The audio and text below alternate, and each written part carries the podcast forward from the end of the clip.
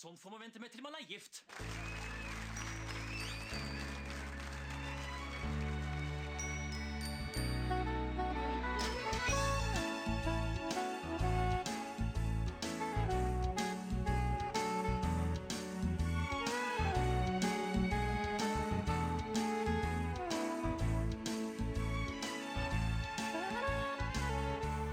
Hallo, velkommen til nok en episode av Norsk film filmpodkast, hvor vi ser norsk film med et kritisk, men eh, kjærlig blikk. Eh, Jeg heter Emil. Jeg sitter her som alltid med. Stefan heter jeg.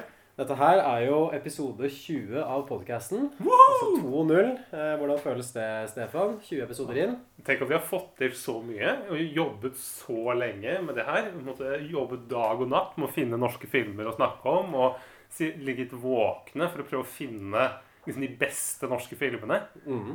Sitte i time etter time, analysert, sett filmen, sett filmen to, tre, fire ganger. Pausa, spurt tilbake for å få med oss hver minste detalj. Finne de beste klippene.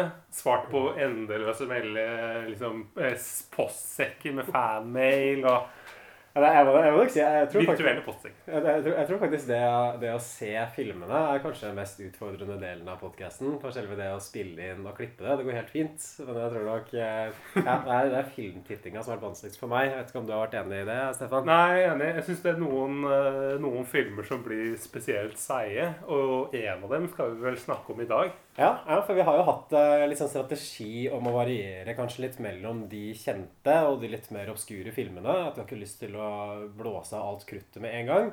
Så vi har hatt Max Manus, og så har vi også fulgt opp med Tusenårsfesten. ikke sant? Vi har Hodejegerne, som er en kjent film. Og der har vi kanskje fulgt opp med Fredrikssons Fabrikk. Men eh, for episode 20 så måtte vi jo selvfølgelig dra frem en av de virkelige s-ene i ermet vårt. Eh, nemlig filmen Uno, regissert og skrevet av Aksel Hennie. Den. To is. Hæ? Jeg vil ha to is. Du skal ha én is. Jeg vil ha to is. Hør nå. Det har du ikke penger til, OK? Har du penger til det? Ja. Nei, det har du ikke. Aksel Hennie, han har vi snakket om før. Ja, eh, vi har jo, Dette her er jo faktisk den tredje filmen vi ser hvor eh, Aksel Hennie spiller mot Nicolai Klevebrok. Og så er det vel den femte eh, Den fjerde filmen vi ser med Aksel Hennie, er det ikke det? Ja, for hva er det, hva er det, annet, hva er det annet han har spilt i? da? Det var en eller annen eh, Det var Max Manus, mm. Buddy, Hodejegerne og Uno i dag. Det er Ja, fjerde filmen, ja. Ja. Så det er jo, siden vi har hatt 20 episoder, så er jo én av fem filmer som vi har sett, er med Aksel Hennie. Det blir mye Aksel Hennie her. Så kanskje vi skal ta en liten pause fra Aksel Hennie etter dette her. Men jeg, Jeg, jeg føler meg veldig klar for en Hennie-pause etter å ha sett eh, en time og tre kvarter med Uno. det blir ikke lunsj si. neste gang, for å si det sånn. Til dere lyttere som har sittet og ventet på den hele liksom, i 20 episoder. Så beklager. Den kommer ikke Det blir en stund til den kommer, altså. Ja. Du hadde jo sett Uno fra før av, Stefan. Jeg hadde ikke sett den. Eh, Hva slags inntrykk hadde du, eller hva slags forhold hadde du til filmen før vi satte den i gang nå? Jeg så den vel omtrent da den var ny, og så så jeg den for et par år siden sammen med en felles venn av oss, eh, Ola. Ja, Ola, ja, som Ja. var gjest i episode 10, Gymnaslærer Pedersen. Ja. Eh, kjent Dag Solstad-viter. Eh, Og og da fikk jeg egentlig Det er sånn igjen fikk jeg et ganske godt inntrykk av han. Det er sånn Første gang så får jeg litt sånn at åh, enda en sånn norsk gangsterfilm. Nå begynner jeg å bli lei her. Hvor mange sånne filmer skal vi se? På liksom denne som er bygd eh, Hva er det? Som er bygd opp etter samme lest, eller Mhm. Er det ikke det man sier? Det er jo noen, noen skomakergreier, i hvert fall. Ja. Nei, Det, det tenkte jeg faktisk litt på mens vi så den. Eh, Det er en film som kanskje er litt sånn vanskelig å plassere sjangermessig. For det stemmer jo det at den har noen sånn gangster- og krimelementer i seg. Men det er jo kanskje mer en sånn konvensjonell dramafilm. Ja, med, men med litt sånn gangsterdramatikk likevel. Det er jo en del sånn, litt sånn ekle scener hvor folk blir banka opp, og Ja. noen kommer med spikerpistol og Ja, det, det, det, Filmen er jo satt i et slags sånn der bodybuilder-miljø, eh, kroppsbyggingsmiljø, rundt eh, det som i virkeligheten heter Haraldsgym. I filmen så heter den Jarlesgym, fordi den er drevet av eh, en karakter som heter Jarle, som er spilt av Bjørn Floberg. Og filmen åpner med et bilde av Aksel Hennie som blør fra siden av hodet, som ligger liksom på gata i Oslo, og det er midt på natta. Litt sånn typisk sånn frampekteknikk. Og så går man da liksom tilbake i tid, og så handler filmen da om disse dagene som leder opp til eh, blødningen. Og det er, det er vel kanskje sånn fem-seks dager totalt. Og det som er liksom grep i filmen, som kanskje er grunnen til at filmen heter Uno også, er at hver dag markeres av et sånt Uno-kort. Så på dag én så er det et Uno-kort som det står én på. Og sånn går det da fram til filmen er ferdig. Og da til slutt kommer det et vrikort. Ja. Så det er på en måte ikke bare tall som markeres her. Man bruker faktisk hele Uno-spekteret Mm. i denne kapittelinndelingen.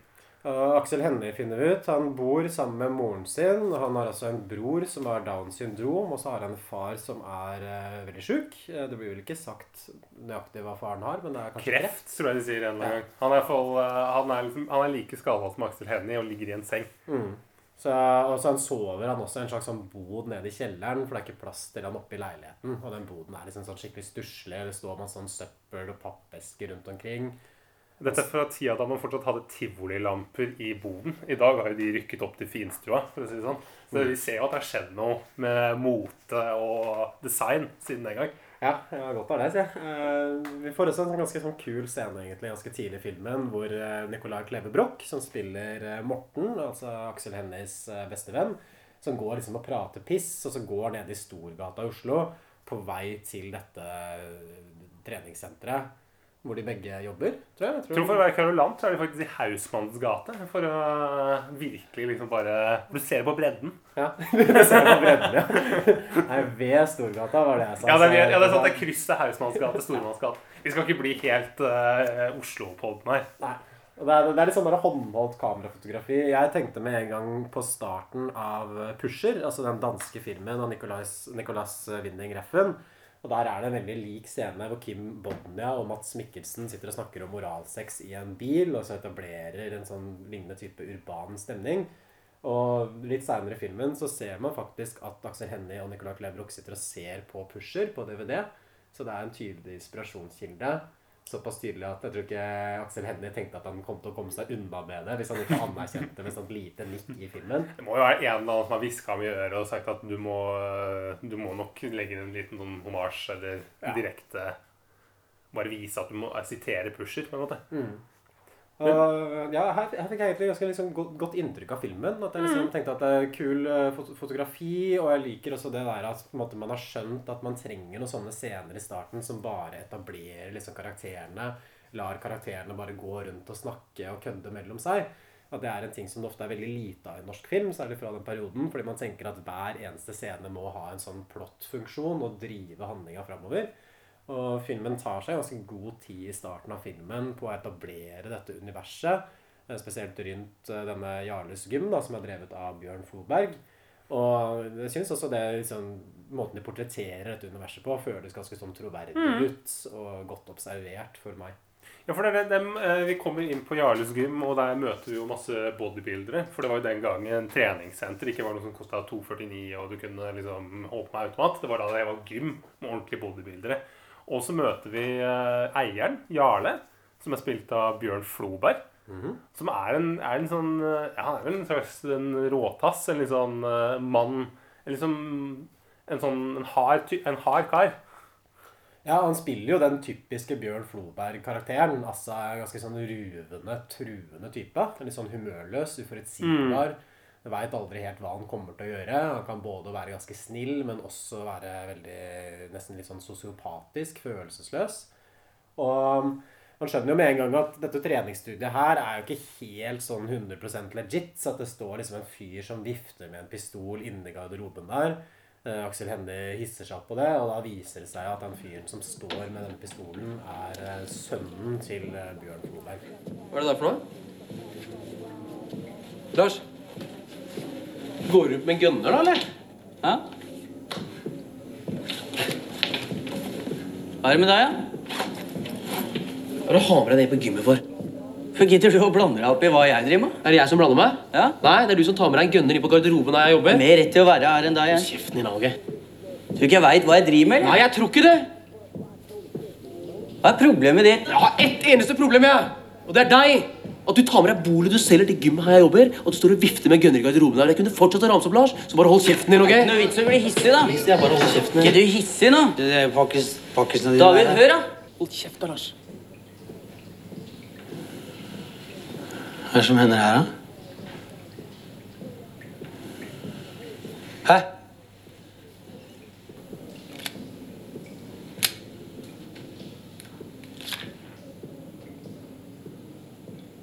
Noe mer jeg ikke veit om her nå? Nei. Nei. Altså, nå er det tre folk foran meg i garderoben her. To er smarte, og en er idiot, og den idioten er sønnen min. Det er jo flott. eh, Det er kanskje det beste sitatet fra filmen. Godt levert, ja. Ja, og det er på en måte, Han leverer det jo til tross for at jeg har eh, mange år på liksom skuespillerutdanning, så greier ikke jeg å levere det sånn som Bjørn Flode. Nei, han har en sånn der egen måte å levere replikker på. At han er liksom interessant skuespiller. Fordi en ting som han gjerne kritiserer med norsk film, er jo den der typiske norsk film liksom, norsk filmtoneleie. Bare, 'Kutt ut, da! Hva driver du med?' Sånn som Trond Espen Seim har jo veldig den tonen.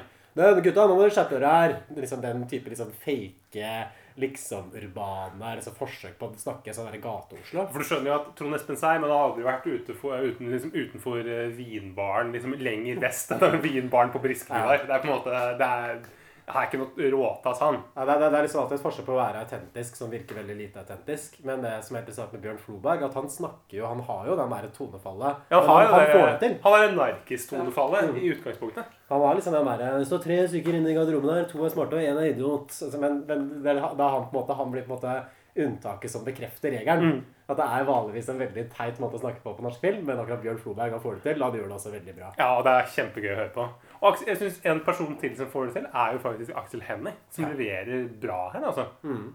Ja, Man ser det veldig tydelig når han står og snakker med liksom han, de, sønnen til Bjørn Floberg. da. Eh, Hva het han karakteren? Fikk du med Eh. Lars. Lars, han, ja. Han ligner på han ene fyren i Himmelblå. Han der eh, litt sånn tafatte fyren i Himmelblå, hvis du noen gang så det. Ja, jeg syns også han ligna litt på han fyren som spiller i den der pornofilm Den der fisketur-pornofilmklippet. Å oh, ja, skogtur. Ja, skogtur, ja. ja. Han ligner på den pornoskuespilleren der. Litt sånn glatt, dratt tryne. Med sånn bøttehatt og sånn veldig gule klær. Ja.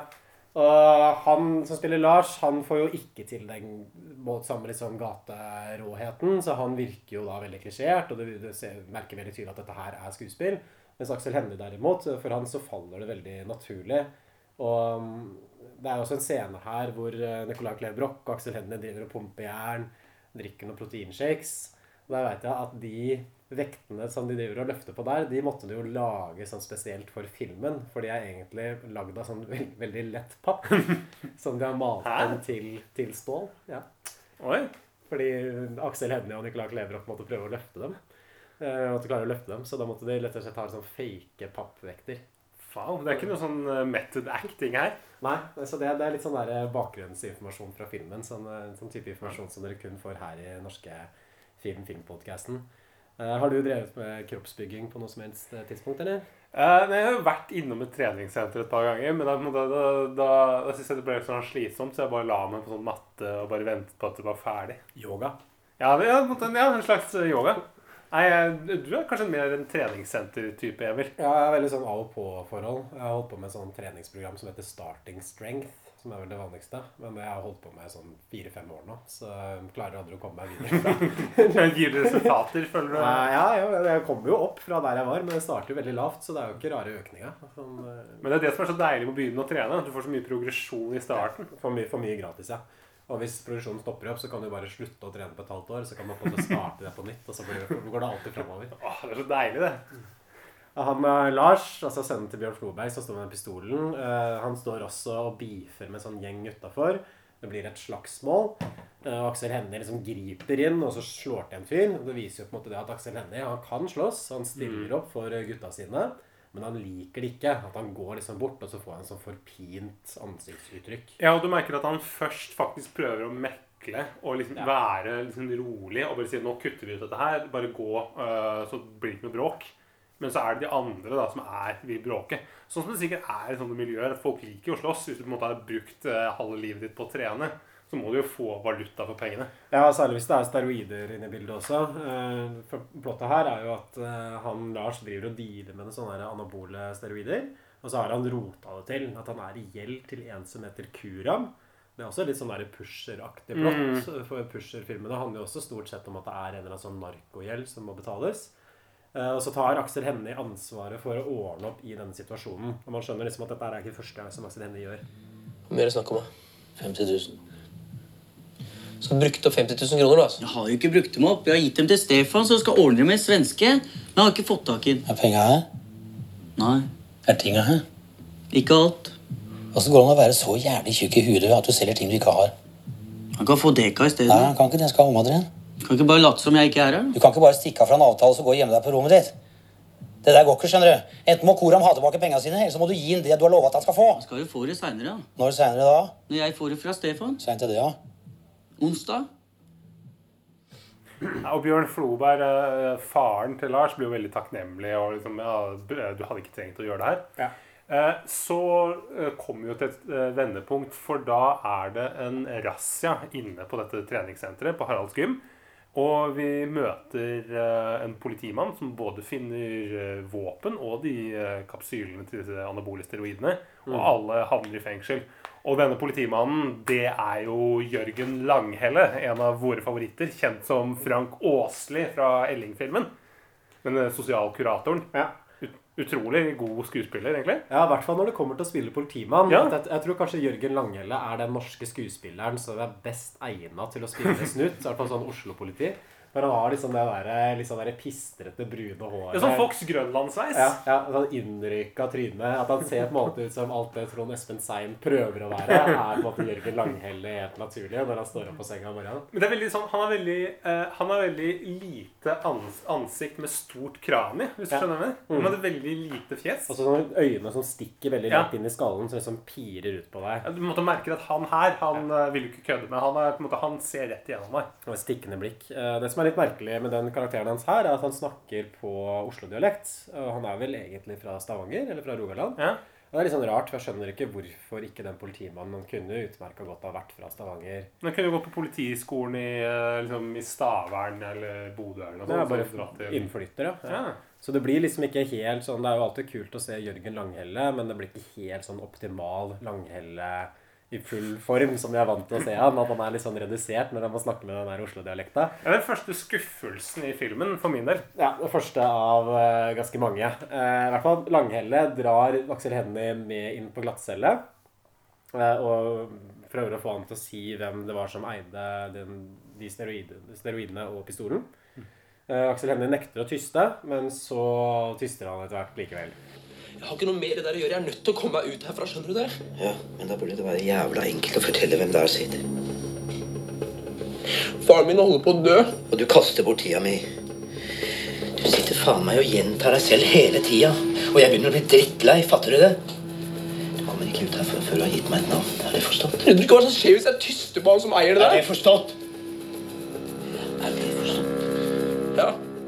Ja, og grunnen til at han tyster er jo fordi at den kreftsyke faren, han har jo havna på sykehus, og det er jo ikke sikkert at han kommer til å leve så veldig lenge. Eller han har havnet på legevakten, så han ligger på et eget rom på legevakten og venter på å dø. Rett før han skal i pennalet, og Aksel Hennie er liksom helt dess på å komme seg ut eh, fra, fra glattcella.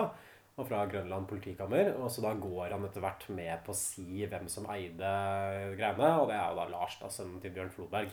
Så han, så han tyster, rett og slett. Nå starter jo et helvete for uh, Aksel Hennie, eller Ja. David, som han heter. Men det, for jeg syns det er litt sånn umotivert, fordi de kan jo ikke anmelde han for noe. Fordi de klarer ikke å etablere Politiet kommer ikke til å klare å etablere at det er han som faktisk eier pistolen. Og det der med faren Jeg syns kanskje ikke det er så tydelig etablert at filmen har gjort nok for å lage en sånn relasjon mellom de to. Det er vel én scene tidligere i filmen hvor Aksel Hennie sitter inne hos faren sin og ser sånn trist ut. Ja, og faren ser ut som han sover, eller sier i hvert fall ingenting. Har ikke noe, har ikke noe uttrykk som avslører hva han tenker. Det ser bare liksom ut som en uh, Ja, som en fyr som ligger i en seng helt stille. Det kunne vært en dokke. Ja, Aksel, Aksel Ikke noe kommunikasjon. Nei, og henne spiller jo godt, men jeg, syns Ja. ikke han klarer å liksom overbevise publikum at denne tystinga er helt nødvendig. Og her kommer kanskje liksom bakgrunnen til filmen med i spill, fordi grunnen til at Aksel Hennie lagde den filmen her, at han regisserte og skrev og spilte i den, det er for at Aksel Hennie hadde jo også en sånn lignende erfaring bak seg. At eh, I ungdomstida så var han med i graffitimiljøet i Oslo. Og hvor han da til slutt endte opp med å tyste på vennene sine, og så ble han liksom en sånn utstøtt skikkelse. Så man kan jo se Uno som et ganske sånn utilslørt forsøk på å forklare og begrunne den handlinga, altså det, den tystinga. Et forsvarsskrift, da. Ja, det er, det er et forsvar, ja, rett og slett. Og det er jo den eneste filmen som Aksel Hennie har regissert også, så det var jo tydelig at det var noe som var viktig for han å få ut dette her.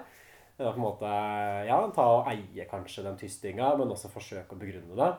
Og hvis det på en måte er uh, intensjonen bak filmen, at skal liksom forsvare tystinga, så syns jeg ikke at filmen klarer å gjøre det på en god nok måte. At det går veldig kjapt fram.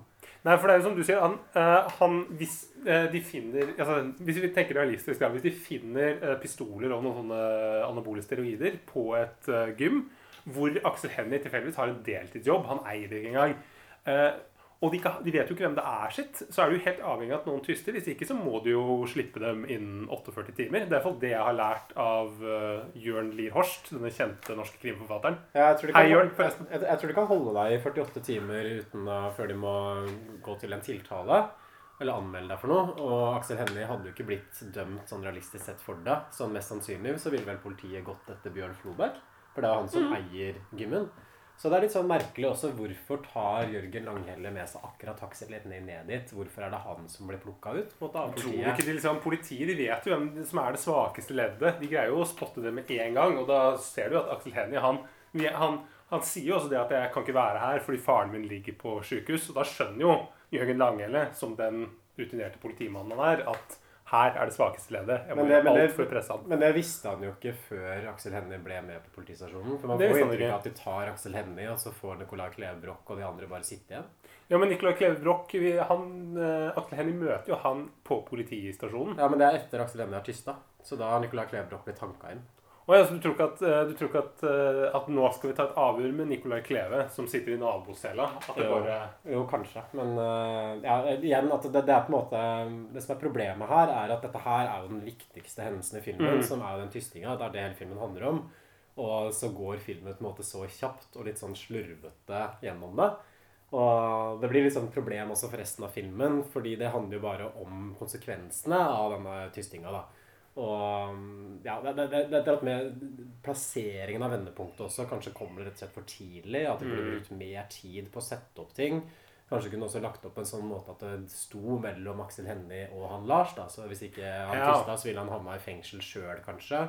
Kanskje gitt ham noe gjeld, eller lagt på noen litt, litt flere dramatiske stakes da, for å kunne sannsynliggjort den handlingen. Ja, fordi det er jo Det, motiveres, altså det, det motiveres kun av at uh, Nikolai Eller at uh, Aksel Hennie skal, eh, liksom skal på sykehuset og møte faren sin. Det er ikke fordi han er pissed og drittlei av Lars, noe han sikkert også er. Men uh, etter dette her så blir han en sånn blir jo, slipper jo David ut og blir en sånn person persona non grata. Han er ikke velkommen i miljøet. Han prøver å komme inn på Jarles gym. Uh, og da kommer Bjørn Floberg ut i baris Den går et sånt gult dusjhåndkle. rett ut av dusjen. alle bolerne bak seg. Ja. Og vi har en truende utstråling som bare Bjørn Floberg får til. Ja, Han klarer til og med å være truende selv liksom halvbakken som en over 50 år gammel mann med et gult dusjhåndkle rundt livet. Så det sier, jo litt av hvor truende Han har jo mye hår på kassa og sånn solid eh, biceps, han. altså. Mm. Det er jo en, eh, en kraftig kar. Ja. Jeg kan jo avsløre det kanskje for lytterne at jeg er jo familie med Bjørn Floberg. Nice. Han er inngifta i min eh, slekt, så jeg, har jo, jeg kjenner, kjenner jo han ganske godt. Og han er jo en snill og ålreit fyr sånn der i virkeligheten.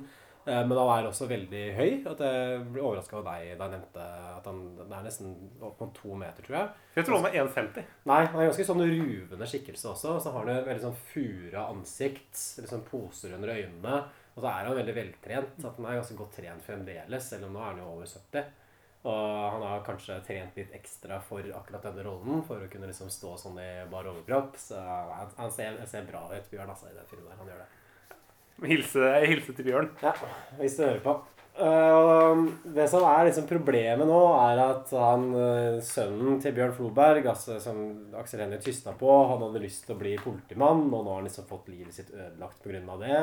Floberg vil ikke tilgi ham, Nicolai Kleve Broch vil ikke snakke med han lenger. Og her går vi inn i et veldig stillestående og, for å si det rett ut, kjedelig parti i filmen, syns jeg. Ja, øh, for det er det, det, det er liksom det første, de første 20, kanskje 30 minuttene som er fengende. Og nå så er det, det, det, det alt handler om, er jo bare at øh, Aksel, eller ja, David får mer og mer problemer som han må løse. Fordi øh, det er jo ikke bare noe at han, er, øh, at han ikke er ønsket av vennene sine. Morten, den liksom bestekompisen, Nicolai Kleve Broch, vender ham ryggen og vil ikke snakke med ham.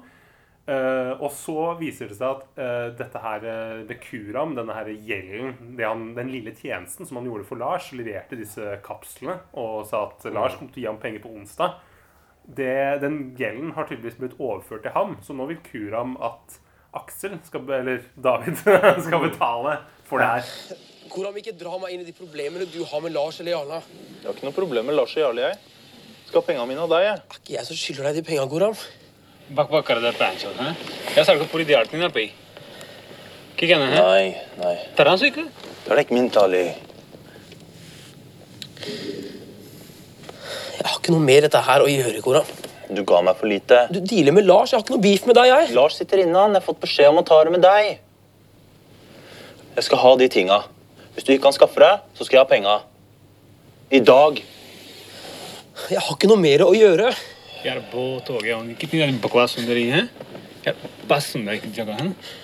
Det du sa, bare at jeg skulle få det på onsdag, og det er i dag. Lars som sa onsdag. Du sa onsdag. Hører du hva jeg sier, da, Koran? Faen! Og så er det vel også implisert at Bjørn Floberg er litt sånn etter han har tenkt å banke den opp. Ja, fordi det er jo en veldig en av mine favorittscener fra den filmen her. Hvor, uh, hvor Fordi uh, David prøver å løse problemene. Kommer til Bjørn Floberg, og så står, de, står Bjørn inne i et mørkt portrom og sier sånn Kan ikke du, kan ikke du komme, Bli, komme hit, bli, bli med opp i leiligheta da. Bli med. Bli med. Kom litt nærmere, da. Og så er det en lang samtale hvor Bjørn står bak en søppelkasse, og de liksom snakker. Han står liksom halvt skjult bak, bak en søppelkassa, så det er, det er viktig. Det lover jo ikke godt. Uh, og så plutselig så hører vi en lyd, som når tre treffer betong. Og det ruller fram et balltre fra under bak den søppelkassa som Bjørn Floberg har stått med. Ja. Så han har stått, og så tydeligvis da ikke holdt i hånda, men han har lent den opp til søppelkassa. Det er amatør, Og så har han skubba borti den, så gjorde han at den det. Og da får jeg selvfølgelig Aksel Hennie helt packeren, og så løper han bare av gårde. Men det er, det er, det er, det veldig mange scener her også som bare er liksom trist musikk, hvor Aksel Hennie sitter og er sånn nedstemt. Ja, i leiligheten sin, henger Ja. opp dusjforhenget som mora har mast på i et år Ja. at han skal henge opp. Jeg skjønner ikke, Kan du ikke henge det opp selv? Han driver og loffer rundt på Grønland. Eh, Det, det blir også ja, det, det føles veldig stillestående ut. Eh, Jeg syns også det blir litt sånn selvmedlidende når du liksom kjenner til bakgrunnen fra film, for filmen og Aksel Hennies motivasjon. Sånn 'Å, se så vanskelig jeg har det', liksom. Ja, at jeg. Etter at jeg sendte kompisen min i fengsel. Det er meg det er synd på. At det, det, det er rett og slett litt sånn der usympatisk. Fordi Lars har jo fått ødelagt hele framtiden sin av dette her. Altså, det, Det snakker man ikke om. Det, ser man, det perspektivet ser man ikke i filmen. nei, hvor er Lars sitt perspektiv? Ja, jeg vil se Lars. Han, han blir helt usynliggjort. Du skulle hatt en bedre skuespiller som Lars. da. Det er kanskje det var liksom, var litt av grunnen til uh, Aksel Hennie. Han rekrutterte en dårlig skuespiller. Sånn at han selv skulle få mer Skulle sympati. fremstå bedre. Ja. Men også kanskje en Norges dårligste skuespiller, Lars. Han Man skulle også kanskje hatt et bedre manusforfatter enn Aksel Hennie, fordi manuset halter veldig i de scenene. Og det er mye sånn derre Det er sånn B-plott uh, ved at Nicolai Kleve Broch driver og ligger med lillesøstera til han Kuram, som også blir en sånn konflikt. Er det ikke Khalid, eller er det Kuram? Ka jeg har Er notert Kuram? Kuram. Ja, det er sikkert. Kuram. Um, det er en sånn greie at Aksel Hennie drar til han Kuram for å levere penger, men skal ikke levere pengene likevel. Og så prøver Kuram å få han til å kjøpe bikkja hans. Veldig sånn rar scene. Og filmen begynner å få veldig sånn tydelige sånne manusproblemer. Og det er litt sånn ironisk også, fordi det som på en måte skal være den utløsende hen- hendelsen i filmen, som skal dra plottet i gang, som liksom er det at Aksel Hennie tar og tyster på han Lars, det er jo det som punkterer hele narrativet og hele framdriften. Så alt flater veldig ut. Og det virker liksom som at uh, de har hatt litt sånn få ideer på hva liksom de skal ha med. Det er sånn greie med at Aksel Hennie må ta med seg han broren han med Downs syndrom rundt omkring. Fordi mora jobber, men vi ser Ja. henne aldri på jobb. Nei, det, det, altså, det er liksom sånn scene der hvor de skal stå utafor på Grønland, og skal han David kjøpe is til ham, og så er det en greie med at han broren med Downs vil ha to is, og så står liksom og snakker sånn frem og tilbake om det i en to-tre minutter. Men det er jo en klassisk scene. Den synes jeg Du kan ikke fordømme den. Det er jo på en måte den, den de fleste av våre lyttere, alle ungdommene, husker fra denne filmen. Nei, jeg velger å fordømme den likevel. Jeg, Jeg syns det er morsomt måte, med at han kiden eh, han, eh, eh, han broren med Downs syndrom spiser jo åpenbart is hver dag. Han får akkurat nok penger til å kunne kjøpe en kroneis hver dag. Mm. Men han vil to is. Og Aksel Hennie prøver å forklare han at du har bare råd til én is. To is. Hæ? Jeg vil ha to is. Du skal ha én is. Jeg vil ha to is. Hør nå. Det har du ikke penger til, OK? Har du penger til det? Ja. Nei, det har du ikke. Du får 20 kroner av mamma hver eneste dag ikke sant, for å kjøpe deg ting. Ja? Den her koster 15 kroner. Hvis du bruker de 15 kronene, så har du 5 kroner igjen. Du har ikke penger til en ny is. Da må du bruke penga for i morgen. Og da får du ikke kjøpt en ny is i morgen, OK? Nei, jeg har lyst på is. Ja, ja, men du har ikke råd til to. OK? Ja, men jeg har lyst på to is. Og så tenker jo jeg, som eh, det økonomiske geniet er, at kan ikke han bare gå på liksom, Meny eller Coop og kjøpe seg en sånn stor sånn sekspakk med kronis, Ja. istedenfor å gå på en sånn jævla kiosk og betale overpris for den uh, isen? Det er jo til og med et gatekjøkken, er det ikke det? Sånn halal meat. Det er sikkert jævlig dyr Ja. is og sikkert sånn, på en måte, med sånn iskrystaller på, for den er lagret feil. Men nå kan jo vi ta den der isdiskusjonen som vi hadde lyst til å ta, Stefan. At eh, vi, Ja! vi snakka jo her på, på melding her om dagen om hva som var våre yndlingsis. Og så tenkte vi at dette må vi snakke om på podkasten. Så måtte vi liksom se en film, da, kanskje for å rettferdiggjøre den isdiskusjonen. At vi snakka om å se 'Isslottet' av Per Blom, men så passer ikke den, for det handler om barn som fryser i hjel. Så det handler ikke om sånn krevis og saftis. Vi tenkte å se den norske dokumentaren 'Iskrigen' om eh, da GB prøvde å komme inn på det norske markedet. Og man lagde sånne eh, reklamer med Henrik Wergeland som sto og spiste diplomis og syntes det var den beste isen. Ok, men ok, da, da tar vi, da tar vi topp tre is. Ok, Er det greit? Vi Ja. begynner på tredjeplass. Så hvis, du begynner med din nummer tre, og så tar vi Eh, ja, jeg vil uh, min, uh, min favoritt da er en er Royal med pistasje. Royal med pistasje. Det er Og en det mandeltrekket utenpå syns jeg er høyde. Altså. Jeg tror nok det blir mye Royal på lista generelt. Jeg vil da gå for Royal trippel, og den, den med sånn hvitt på. Det som er litt sånn Ja, den jeg sendte deg bilde av her om dagen. Ja, ja. ja, den er god. Nei, nei, ikke den. Du sendte meg bilde av den triple chocolate. Den oh, syns jeg, jeg blir litt søt. Jeg er ikke så glad i hvit sjokolade på is. ja. Men det er, det er altså Royal trippel, og så kom det en sånn spesialvariant i fjor sommer, tror jeg, eller sommeren før der. Som er, Det ser nesten litt sånn spraymalt ut. Jeg vet ikke om du har spist den? Ja? Så den er sånn grå på utsiden. Å ja, den, ja. ja nei, eh, den eh, er ikke på min uh, topplassering, men Nei, det er, det er som Royal trippel, og at den er mer, eh, den er, er mer salt. Skal se hva, hva den heter her. Eh, trippel magi heter den. Så Royal trippel, trippel magi, salt karamell. Det er min nummer tre. wow. Ja, min, eh, min nummer to er eh, Da skal vi eh, i, til Henning Olsen. Det er Dime-is med disse små Dime-kulene i. Og den eh, Jeg syns Dime virkelig gjør seg is, og det har en sånn knasende konsistens. Og så er det en veldig god kjeks. Og så og så mye god, god kvalitet på sjokoladen. Altså, vil jeg si.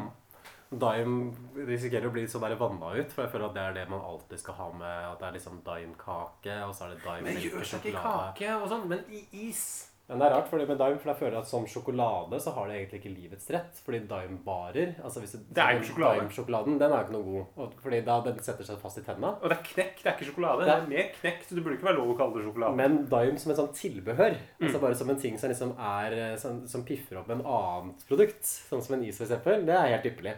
Så jeg føler at dime passer mye bedre i den tilbehørsformen enn dime-plata i seg sjøl. Litt sånn synd for dime, egentlig. At den er bedre som en ja, som en sånn sidekarakter. da, Som en birolle. En klassisk birolleskuespiller i godteriets og søtsakenes verden. Eh, min nummer to er eh, Lion-isen fra Diplomis. Denne, denne isen her pleier jeg å kjøpe, kjøpe nesten hver dag når jeg går hjem fra jobb. Jeg pleier å gå hjem fra jobben min, tar omtrent en time, og da kjøper jeg Lion-isen. I starten så kjøpte jeg den fordi den er den som varer lengst. Det er den største isen som de har. Som et lite barn. Ja, eh, jeg var ikke så glad i den sånn i utgangspunktet, egentlig, men jeg kjøpte den pga. størrelsen. Men etter hvert så har jeg begynt å få virkelig, virkelig sans for den. Altså, jeg har sikkert spist i løpet av de siste par åra ja, kanskje 100 Hæ? 100 laris? Du er gale, Mathias. Det blir jo fem, fem ganger i uka, da, så man kan jo regne sjøl. I hvert fall de dagene hvor det er bra nok vær til å gå hjem og man har lyst til å spise is. Så for meg så begynner issesongen gjerne sånn i slutten av februar, begynnelsen av mars, med en gang snøen forsvinner. Så tenker jeg at det er greit å spise is. Du elsker is, du. Du elsker å kose med. Jeg elsker, elsker å kose med ja. Altså, Da er det på tide med din første, da. Hva er best? Du må legge på et slags sånn trommevirvel. Uh... Ja.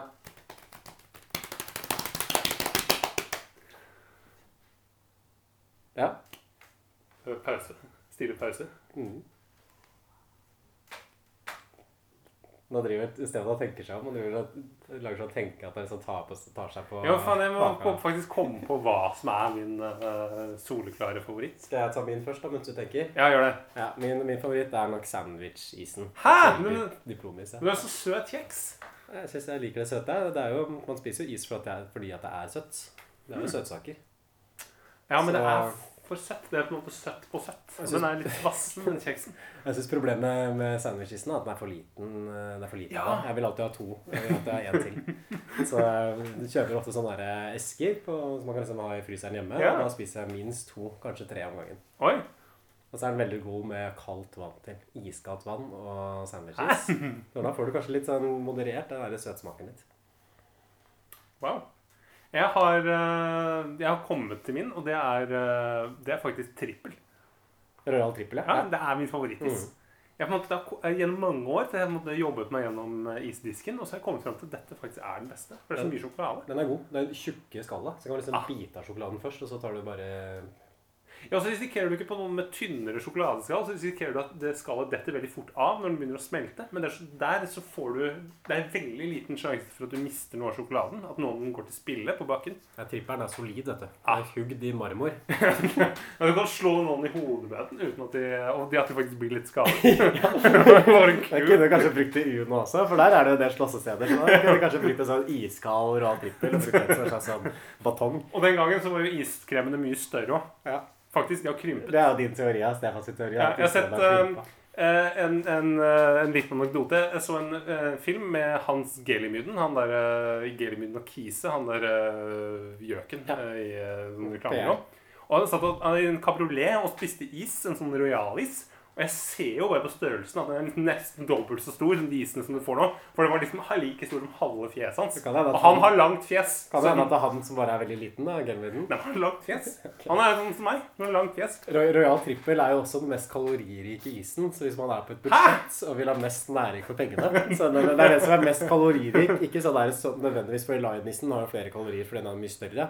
Men hvis du ser på kalorier opp mot sånn per 100 gram, så er det Royal trippel som har liksom mest uh, packs the most punch. Men de burde eh, sende til sånne land med sultkatastrofe. Hvis de skal sende Royal trippel. Hvis de skal sende is i det hele tatt, så send Royal trippel. Ikke send, ikke send saftis. Det kommer ikke være smelt på vei ned. Eh, Det er også en sånn kunstnerisk vri i Uno som jeg ble liksom klar over her. Fordi filmen er jo oppdelt i disse ulike dagene, og så er det på en måte et sånn Uno-kort eh, som annonserer overgangen til hver ny dag. Og de dagene er fargetona etter disse Uno-kortene. Som dag tre f.eks. har et sånt blått kort, og da er lyset veldig blått. Og så dag fire har et gult kort, og da er liksom alt veldig gult. Eh, jeg er litt sånn usikker på hva som er den kunstneriske begrunnelsen for akkurat det fargetonevalget der. Mm. Har det noen sånn tematisk betydning, eller har det noen betydning for plottet? Hva, hva tenker du? Ja, for jeg har jo aldri lagt merke til det før. Eh, Jeg, jeg tror jo bare det er en sånn eh, Se på oss. Vi skal, på måte, vi skal være litt kunstneriske her. Det, var liksom, det er noen som bare har fått en god idé på klipperommet, tror jeg. Jeg tror ikke det har vært, en, har vært meningen fra start. Ja, men filmen heter jo også Uno. Ja, men tror du ikke bare er sånn filmen, Det er noen som sitter på klipperommet og så er det sånn Filmen vår heter Uno. Se, se her. Se, jeg kan legge på sånn filter i Ja. Jeg tror det er så Er, er, ikke det, er ikke det kult, liksom? For det, det blir litt sånn distraherende. Jeg tenker spesielt på den, den røde dagen, Ja, som er dag nummer fem. For da er det veldig sånn sterk sånn rødskjær. Så folk ser litt sånn sjuke ut, rett og slett. Og, og det blir også veldig sånn dunkelt pga. den røde effekten. Så ikke, ikke sånn veldig heldig valg, syns jeg. Helt enig. Um, vi kan jo ta og liksom wrappe opp uh, handlinga her. Um, det er Ja, hva skal jeg si? Altså, det, det, det, blir jo jeg, jeg sliter litt med å oppsummere det, for at hele manuset er på en måte så innfallsmessig at det er bare sånne ulike hendelser som dukker opp. Som f.eks. det at han, broren med Down stjeler en pistol fra leiligheten til Kuram. Og så får jo, har jo Aksel Hennie kjøpt hunden til Kuram. Og Nicolai Klevebrok er veldig redd for hunder. Og da ender det opp med at liksom den bikkja biter Kuram. Og at han broren med Downs syndrom skyter den hunden med denne pistolen som han har stjålet. Men, sånn, hva, hva, men skal, hva er på en måte betydningen, hva er vitsen med å ha alt det der med, med den hunden, at broren skal skyte til det føles så poengløst? Nei, for den hunden det, For det jeg tenker, er jo at nå skal det bli et problem med han derre Kuram når han kommer tilbake og sier at hei, du, jeg kan ikke eh, den, Jeg kan ikke betale Eller jeg har skutt hunden. Men det er jo på en måte, han har jo allerede så mange problemer. Han skylder allerede Kuram 40 000, så det spiller jo ikke noen rolle om han skylder ham 50 000, inkludert den der hunden. Ja, men hunden har han jo blitt pressa på å kjøpe uansett. Ja. Og det at han skyter, skal det være en sånn tragisk ting? liksom At han broren med Downs syndrom For er, fordi man ser jo han broren med Downs syndrom driver og fikler med den pistolen. Så da tenkte jeg kanskje at hm, kanskje han skyter Kuram, da. At han skyter Nicolai Klebrok, eller skyter Aksel Hennie til og med. Og det hadde jo vært en sånn tragisk Ja. vri. Men det at han bare skyter den bikkja og så må liksom Aksel Hennie drive og putte den bikkja inn i en søppelpose og gå og kaste den. Det, Ja. føles så, det, det, det, føles så, det, er, det er så lite betydning i det at det er sånn rart at man bruker såpass mye tid på å spille ut hele den historien. Ja, så er det jo Det er jo en dritirriterende hund nå. Jeg får ikke noe sympati for den. Bare, den bare bjeffer hele tiden. Og det, den biter jo uh, Nicolai Klevebrok, alias Morten, i, eh, i hånda rett før ehm, broren til David skyter den. Så det er jo ikke noe sånn, du syns jo ikke noe synd på den hunden. Den er jo en mannevond hund som eh, egentlig burde avlives. Ja, men den skulle jo sikkert ha blitt avlivet uansett, da, siden den biter jo Nicolai Klebrok. og han biter den også aggressivt. Så da er det jo normalt å avlive hunder som, som biter mennesker, altså voksne hunder. Og jeg kan jo si kort det, for at, eh, det som skjer, er jo at eh, Morten Nicolai Klebrok, han eh, han Ka, Khalid Ku, Kuram, Kuram, Kuram, Kuram. finner ut at eh, Morten har ligget med søstera hans. Og Det, det er Bjørn, Bjørn Floberg som har fortalt det Ja. til Kuram. Fordi at Bjørn Floberg er sur på eh, Ikke sant? Hør her, så innviklet det er. Fordi han er sur på, på Morten fordi Morten ikke stilte opp for, eh, for Lars. Fordi Morten er jo en feig fyr. Og Morten, da kommer Morten hjem til Daniel og vil ha hjelp til å bo der. Han blir trua med en spikerpistol av Kuram, men greier å flykte ut vinduet i leiligheten sin. Kommer hjem til, eh, til David, og da har de en sånn heftig krangel. Ja. Så, hvor liksom, det, det, liksom David sier, da, altså Aksel Hennie Det som er viktigst for deg, det er å ha flest på ditt lag. Du mener det alle mener, og du følger disse reglene som ikke betyr en dritt. Fordi Aksel Hennie er piss da, fordi at han eh, Broch bare vendte av ryggen etter han der tystinga. Så det er liksom morsomt hvordan filmen forsøker å framstille at det å liksom det å tyste, som David gjorde, det var på en måte den noble handlingen der. At David gjorde noe sånn der moralsk riktig og tok liksom noe på sine skuldre gjennom å tyste. for at han å... Veldig eh, nobelt Ja, og ja, veldig ja. eh, bra at han gjorde det. altså Det- Kjempefint. Det er det som er moralsk bra, at det riktige å gjøre er på en måte å forræde vennene dine. fordi da viser du at du kan tenke sjøl. Da er du ikke opptatt bare av å ha folk på laget ditt og følge alle disse rare, konstruerte sosiale reglene. Da er du en fri sjel, og da klarer du, har du på en måte integritet. Ødelegge livet til noen for noe som aldri hadde blitt en sak. Gratulerer, eh, David. Altså, altså, Jeg ville jo ikke vært venner med David. Jeg ville heller vært venner med Morten, faktisk, selv om han er en tafatt fyr. Nei, De fleste er jo enige om at det å liksom tyste på en kompis for å komme deg unna med ting det er jo Selv, selv om man er i et kriminelt miljø, eller at det er en kriminell handling, så er det en ting som venner ikke burde gjøre seg imellom. I hvert fall når det er snakk om en relativt sånn offerløs eh, forbrytelse, som det å oppbevare en sånn anabole steroider tross alt er. Hvis det hadde vært sånn at Lars hadde drept noen, eller liksom hadde voldtatt noen, eller et eller annet sånt, da hadde det kanskje vært mer riktig å si det til politiet. Han skal jo bare kjekke seg. Han er jo bare en litt, sånn litt enkel fyr som prøver å være kul. Og det som også er veldig gøy, er at filmen framstiller denne Morten som en sånn eh, veldig feig karakter. Som måtte ikke stille opp for vennene sine og sånn.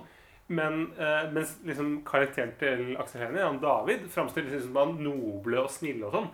Men i virkeligheten er det jo han som er feig, for det er han som tyster på vennene Ja, ja, sine for å, for å løpe, for å liksom uh, ligge ved farens, uh, sy eller sitte ved farens sykeleie når han uansett er, er død. Ja, Faren var jo død allerede, så det var jo til ingenting. Det var jo helt Ja. bortkasta tid. Og Morten ber, ber om unnskyldning fordi han har vært feig. For at han liksom Så det er ikke Aksel Hennie som har bedt om unnskyldning, det er da Nicolai Klevebrok. I drømmene til Aksel Hennie så kom nok eh, liksom alle vennene eh, fra graffitimiljøet og, og ba om unnskyldning. Ja. Jeg tror ikke det skjedde, dessverre. Jeg tror kanskje det var han egentlig Aksel som måtte krype til korset. Hva er det mer jeg spurte? Har du tenkt å være her lenge? Har du tenkt å begynne å si noe snart? Hva faen er det du vil jeg skal si? Ja? Du har gitt faen i meg, Morten. Jeg har gitt faen i deg. Jeg har ikke gjort en dritt, jo. Nei, du har latt meg være helt aleine. Du har stått og sett på at jeg har fått juling. Har jeg vel ikke? Jo, du har det. Forventer du at jeg skal prøve å stoppe Jarle, da, eller? Du kom på gymmet for å møte faren til han fyren du har tysta Kom til gymmet for å møte vennene mine! Har tysta, David! Du har kjent meg hele livet, Morten. Det er ikke jeg som starta dette her. Det er du som tista på Lars. Hvorfor faen ikke jeg. Faren min holdt på å dø. Du har ikke fortalt om det. Jeg visste ikke en dritt om Nei, det. men jeg ikke ville høre! Fordi han fyren skulle vært der, og vært kompisen min. Når ting var dritvanskelig for meg. Han var mer opptatt av å følge noen jævla regler som ikke betyr en dritt, da. Hva er det som er viktig for deg, Morten? Hæ?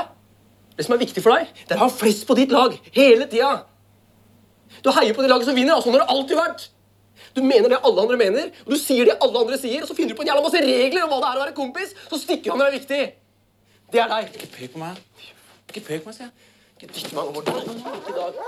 Ikke i dag. Og de, de, de får i hvert fall liksom skværa opp, og så er det noen sånn greie at de blir jaga rundt av den der gjengen til Kuram. Det er litt sånn typisk også. Her blir jo på en måte scenen at det er to norske hvite nordmenn som blir jaga rundt av en sånn gjeng med pakistanske De er gangstere. mange og har mange biler og liksom eh, gullkjeder og er kule karer. Så Jeg lurer litt på hvorfor det valget om å gjøre den gjengen til en pakistansk gjeng spesifikt. For de hadde jo ikke trengt å være pakistanske. Nei, nei det er jo ingen eh, Men det, må, det er jo Det er vel sånn som eh, vi har snakket om før, er jo at det spiller jo på en sånn fremmedfrykt om at At folk fra det pakistanske miljøet er liksom at de er harde, at de liksom er uh, utilregnelige, vet ikke hva de kan finne på. Det må jo være noe sånt. Jeg tror det er gjort sånn for at det skal virke mer truende på seerne. ja. At man skal tenke at dette er en farligere gjeng enn om det hadde vært en gjeng med hvite etnisk norske. da. Men eh, jeg, jeg, jeg vet ikke helt jeg, For min del så syns jeg jo ikke det funker. Nei, Det, eller det funker i hvert fall ikke i dag. Det gjorde det kanskje den gangen, men uh... Nei, Jeg, jeg syns kanskje han Kuram-karakteren er litt sånn unødvendig. At jeg føler at kanskje det kunne vært Bjørn Floberg, da, eller sånn Ja. som han hadde organisert. Så hadde manuset kanskje blitt litt sånn tightere også. For det gir jo mer mening at Bjørn Floberg skulle vært ute etter Aksel Hennie. Ja, han har masse boligvenner Mm, i kule BMW-er. At det skulle vært den der bodybuilder-gjengen, og så kunne man heller bare strøket han Karum eller Kuram-karakteren. Og så kunne, kunne plottet ha vært litt mer uh, kompakt. Det, det, filmen slutter i hvert fall med at uh, Aksel Hennie får eh, skikkelig juling, rett og slett. Og um, Nicolai Klevebrok står bare og ser på, så han beviser også der at han er litt sånn feig. Griper ikke inn for å forsvare vennen sin. Det er litt uh, feigt, men samtidig hadde han kanskje blitt drept. da, For han har jo ligget med søstera og nettopp unnsluppet å bli liksom Ja. drept med Eller få en spiker, spiker i, i balla. Ja, i Eller i pikken. Ja. Og så, så er man på en måte tilbake på starten igjen av filmen. At henne ligger liksom blodig på bakken. Her er det en ekstremt lang sekvens med denne slåsssekvensen som er helt sånn dialogløs. At det går i slow motion. Og så har de også tatt bort alle lydene og bare lagt på en sånn der dyp sånn der basstrone. Sånn. Altså ser du liksom sånn der, veldig lang tagning at Aksel Hennie bare ligger liksom på bakken. Jeg tror det bildet var i sånn i hvert fall to minutter, tror jeg. Ja, ja. Så hvor det ikke skjer noe annet enn at han Og det bildet er også litt sånn ute av fokus av en eller annen grunn. Jeg vet ikke, Det kan jo ikke være en sånn feil som du gjorde i filminga, så jeg antar at det er tilsikta. For at det skal være litt sånn at det er eh, litt sånn uskarpt inni hodet til Aksel Hennie, for at han begynner å dovne bort. Ja, Og du venter jo bare at han skal stige opp som en engel og liksom bare forsvinne. Litt sånn Trond Espen Seim. Ja, ja Oslo. den er egentlig ganske lik av... jeg var i Oslo på noen Eh, men det, det, det slutter i hvert fall med at Aksel Hennie smiler, da. Så tenker man at nå er han på en måte ferdig, nå er han fri, og nå har han kommet seg videre fra den der tyste episoden og et kroppsbyggingsmiljø. Kvitta seg med alle kortene i Uno og eh, har vunnet. Ja, for det, det er også en sånn scene tidligere hvor, hvor han sitter og forklarer liksom Uno til eh, broren sin. Forklarer reglene til spillet. Så om ikke annet så lærer i hvert fall seeren hvordan man skal spille Uno i filmen der, Så da sitter man med noe. Og da sier han liksom at du skal spille ut de kortene du har, og hvis du kan legge på det siste kortet ditt, da er du ferdig. Da er du helt fri, og da har du vunnet. Han forteller litt feil, for du kan, eh, du kan jo legge Hvis du har et gult kort, eh, et gult åtterkort f.eks., så kan du legge et rødt åtterkort oppå det. Ja. Og det får, det får han ikke helt fram, det at du kan legge forskjellige farger oppå hverandre. Han sier det er bare blå på blå, rød på rød. Så han har ikke, han har ikke helt skjønt spillet Aksel Hennie heller. Nei, det er kanskje kompleksiteten med Uno-reglene som eh, blir litt, eh, går litt tapt her. De hadde hatt tid til å redegjøre for dem, for det er jo en film på liksom 1 time og 40 minutter som kunne vært klippa ned til halvparten, kanskje. Ja, nei, jeg tror at du kunne klippa ut en Hvis du hadde klippa ut en halvtime av den filmen, så tror jeg den hadde fungert mye bedre. For da kunne den vært ganske sånn tight og ikke hatt så mye fyll i seg. Men eh, ja, vi kan jo ta vurderingen litt senere. Men det, det, det Uno-spillet skal vel da kanskje fungere som en slags sånn metafor for David. da, At han må på en måte spille ut alle de kortene han er. Men så selv om han ender opp med å bli banka på slutten av filmen, så det er jo ikke noe lykkelig slutt for han, men det blir en slags sånn lykkelig slutt likevel. Eh, fordi han er fri, og han har på en måte stått med hodet heva høyt gjennom dette her. Og på en måte stått for den derre tistinga. Men tror du ikke Kuram, tror. Kuram nøyer seg med det når han skylder 50 000? Tror du ikke han kommer til å fortsette, og at det bare kommer flere renter på de pengene? At vi aldri blir ferdig. Ja, jeg antar det. Eh, Så det er jo liksom forskjell fra Pusher, da, som åpenbart er en sånn stor inspirasjonskilde. Den første Pusher-filmen har jo en veldig åpen slutt, men du skjønner at det kommer til å gå ganske dårlig for karakteren. At det går ganske dårlig for alle karakterene i de filmene, egentlig. Og mm, hvis man sammenligner Uno med Pusher, så ser man kanskje også tydeligere problemene til Uno. Pusher er veldig fokusert film. At liksom hver, det, det er et ekstremt driv i plottet. Veldig god på å legge på nye komplikasjoner, samtidig ta med seg det tidligere. I Uno så er det ofte sånn at det kommer liksom inn en ny ting, og da forsvinner bare de andre greiene ut. Enten så er det på en måte han Kuram som heter den, og da er det veldig viktig det.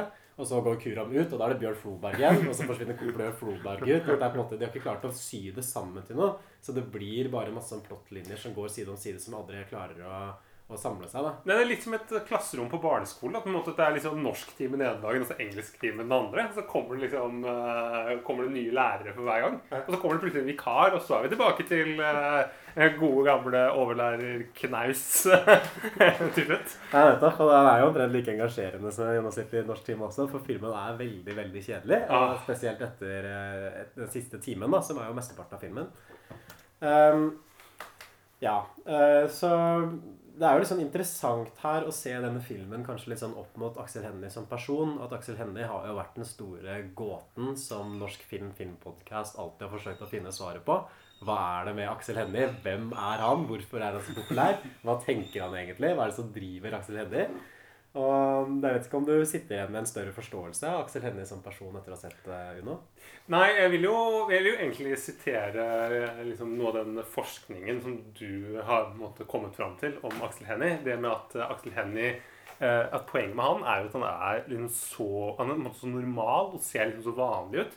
Og på en måte er en sånn eh, boy next door. Og det er det som kanskje gjør ham til en stor, til en stor skuespiller. Mm. Han er på en måte Han er helt, helt vanlig fyr, og han spiller og jeg synes jo Han behersker jo de gateslang-greiene veldig bra. Det er, Ja. det er jo det mest troverdige jeg har sett i norsk film noen gang. altså sånn av Innenfor sånn gangsterfilm. Sammenlign det her med Issat, for eksempel, så er det jo han, han behersker det, og det gjør jo Bjørn Floberg òg. Så han er jo casta kanskje de to eneste i Norge som får det til. Mm. Kanskje også han uh, Jørgen Langhelle, men han skulle jo snakket på en sta Ja, og han blir litt underbrukt også. Eh, Hvorfor, Ja. hvorfor er ikke politiet brukt mer? Nei! Det kunne det vært en sånn der, eh, ting som kunne legge til presset da, på Aksel Hennie sin karakter? Hvis Ja. Jørgen Langhelle også hadde vært på nakken hans? Ja, det er sånn, Nå må du tyste, for nå er det noen flere her. Ja, Du må, du må tyste mer, ja. kan, ikke, kan, ikke, kan ikke du komme og tyste på den saken her? Ja? Men du Jarle, han har enda flere. Han har sånn våpenskap bak i, eh, bak i bole, bolebua si. Men det kunne jo vært en ting også, at man kanskje kunne dvelet litt mer på det at Aksel Hennie kommer ut igjen, og så veit kanskje ikke folk rundt at han har tysta. Og da kunne Ja. Jørgen Langhelle kommet og si sånn Hvis ikke du forteller oss mer nå, så sier vi til Bjørn Floberg og Nicolai Klebrok at du har informert for oss. Det kunne vært Ja. et spenningsmoment i filmen. Og det, da kunne du holdt Da kunne du forsvart 1 time og 40 minutter med film, faktisk. Hvis du hadde hatt halve filmen at det bare hadde vært, hadde vært om det. Men det er litt sånn interessant, fordi jeg tenker det tyder jo Alt tyder jo på at Uno er et veldig sånn personlig prosjekt for Aksel Hennie. At det er hans forsøk på å renvaske seg. At det er et oppgjør med noe som kanskje har plaga han litt. Mm. Og det skinner liksom litt for tydelig, i hvert fall når man kjenner til den bakhistorien der. Så blir filmen også veldig liksom selvmedlidende, selvrettferdig. Og den føles veldig hul ut også, fordi alt handler bare om å rettferdiggjøre den der tystinga. Og så er det ikke noe mer til plottet enn som så. Men det er liksom interessant også at uh, Aksel Hennie ikke har laget noe mer film. For dette er jo den eneste filmen som han har regissert. Mm. Og den vant jo fem priser på Kanonprisutdelingen i Trondheim. Og vant for beste Wow. film, beste hovedrolle, beste regi. Alle liksom de store prisene. Har hatt noen venner i juryen, tror du ikke? Ja, men han vant beste regi også under Amanda. Eh, Jeg føler at det var kanskje den filmen her som virkelig plasserte han som en hovedrolleinnehaver. Eh, Buddy er fra året før, men der spiller jo han birollen. Der er Nicolai Klebrok som spiller hovedrollen. I den filmen der er det motsatt. Så nå har Kleve Broch eh, blitt liksom bakmannen, mens eh, Ja. han eh, Aksel Hennie virkelig er stjerna her. Mm. etablert som stjerna. Kommer til å skinne på den norske film, filmhimmelen. ja, for alltid. Men hvis Norge skulle sendt opp en sånn der romrakett, sånn, der, sånn som man gjør for å liksom vise det menneskeheten har kommet fram til, så ville man, det måtte jo vært en Aksel Hennie-film med romraketten, tenker jeg. Da kunne man vurdert Max Manus eller Pioner eller noe sånt. Jeg tror jeg ville sett, sendt opp uh, Flåklypa Grand Prix. Med Ja. den, uh... Det blir neste episode. Men uh, Man kunne jo knapt bedt om en bedre mottagelse for debutfilmen sin enn det Uno fikk. Mm. Og det er jo en film som du, du kunne ikke gjort det bedre. Mm. Den ble jo vist i utlandet og gikk jo kjempebra på kino. Publikumsfavoritt, kritikerfavoritt. Bare hyllest, hyllest, hyllest. Og da er det liksom interessant at han ikke har lagd noe som helst mer. Mm. Og antageligvis ikke kommer til å gjøre det heller, Fordi nå er det jo 18 år siden Uno kom. Det er 2004, 2022 nå. Ja. Begynner å bli en gammel mann, Aksel. Så hvorfor tror du at han har, hvorfor har han ikke lagd noe mer? Men tror du ikke heller det bare, at det bare bygger opp under at dette her var Det er et så personlig prosjekt for ham at jeg tenker at nå, nå har jeg ressursene her. Nå kjenner jeg kule folk i filmmiljøet. Nå kan jeg få en mulighet til å lage min film og mitt forsvarsskrift. Nå skal jeg renvaske meg selv, selv om alle graffitikompisene mine syns jeg er en rass. Nå skal jeg vise det fra min side, fortelle min historie. Ja. Og så er han på en måte ferdig, så er det ikke så mye mer Aksel Hennie har å fortelle. da er han fornøyd. Da har han fått det ut av systemet sitt. Ja. Ikke sant? Han har kanskje ikke en sånn annen kunstnerisk ambisjon enn sånn, enn å bare, bare forsvare seg. Det er jo ikke så veldig, er ikke så kunstnerisk, den filmen her. Den forsøker jo, men det får den jo ikke Ja, til. det, men jeg synes at regi, Når det kommer liksom til det filmatiske, sånn regien på filmen er jo Mm. ganske bra, særlig i anslaget, selv om manuset er dårlig. Ja. Så men det kan jo hende at det var liksom medregissøren som gjorde en del av jobben. da. Og det er også veldig avslørende, syns jeg, på rulleteksten, fordi da står navnet til Aksel Hennie øverst, med manus og regi. Aksel Hennie står aleine. Selv om han hadde jo både medforfatter og medregissør. At medregissøren var jo han eh, Jon Andreas Andersen. Og Nicolai Klebrok har faktisk også vært med på manussiden. Og så er det enda en manusforfatter i tillegg til det. Men til tross liksom, for at det var tre som skrev manus og to som hadde regi, så var det viktig for Aksel Hennie at det var han som skulle stå aleine på topp. Kanskje litt sånn egosentrisk. Men tror du ikke det? Så har produsenten sikkert gått med på det, for de tenker at ja, det selger med Aksel Hennie på topp. Ja. Og så har slutt de sikkert sagt at eh, ja, det er jo, må jo være viktig for han det her. Men det er jo litt dårlig gjort for eh, medregissøren å på en måte bli litt sånn skjult. Jeg tror ikke han fikk greit betalt, og dette Kanskje han fikk noe liksom, ja, Du kan da, bli med på Uno, og så kan du få lage den filmen du har, har mest lyst til etterpå. Ja. Du kan få lage en eh, film, en Kon-Tiki, eller eh, Vet du hva neste filmen til han Andreassen Den neste filmen han lagde? Ja, det lurer jeg på. Den kom ut i 2018. 'Skjelvet'. Ok, ja, Katastrofefilmen med Kristoffer Joner. var kanskje ikke den han Wow, det var lang eh, Ja, pause. ja. Men det er en kul film å komme tilbake med, for så vidt. At det var en vellykka film, det òg.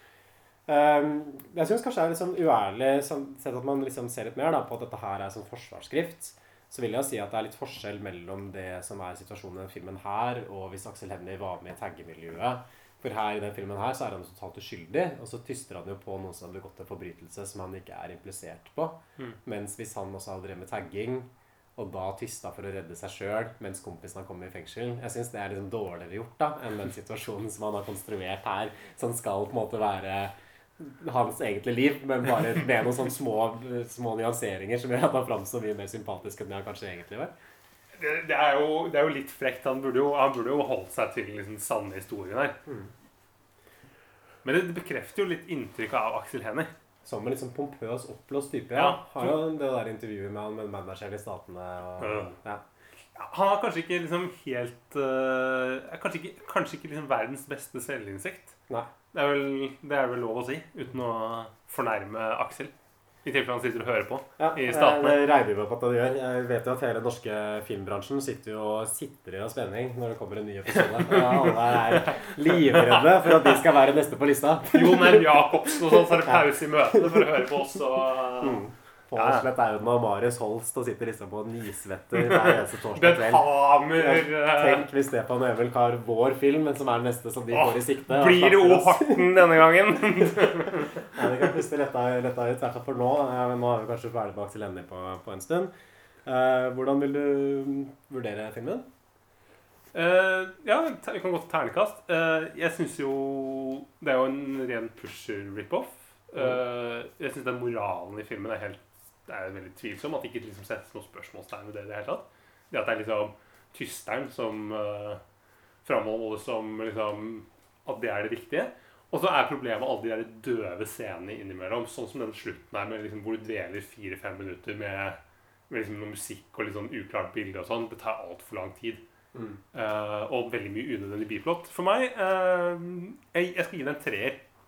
Det syns jeg er veldig sjenerøst. Men det er jo fordi jeg er en veldig sjenerøs type. Du er det. Du er raus. Hva med deg, Emil? Det er En raus, rojal, trippel-elskende mann.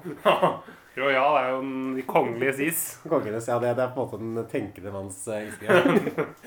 Eh, jeg, vil, jeg er enig med din kritikk. Eh, jeg ville nok gitt den en svak treer dersom jeg ikke visste om bakgrunnen for filmen.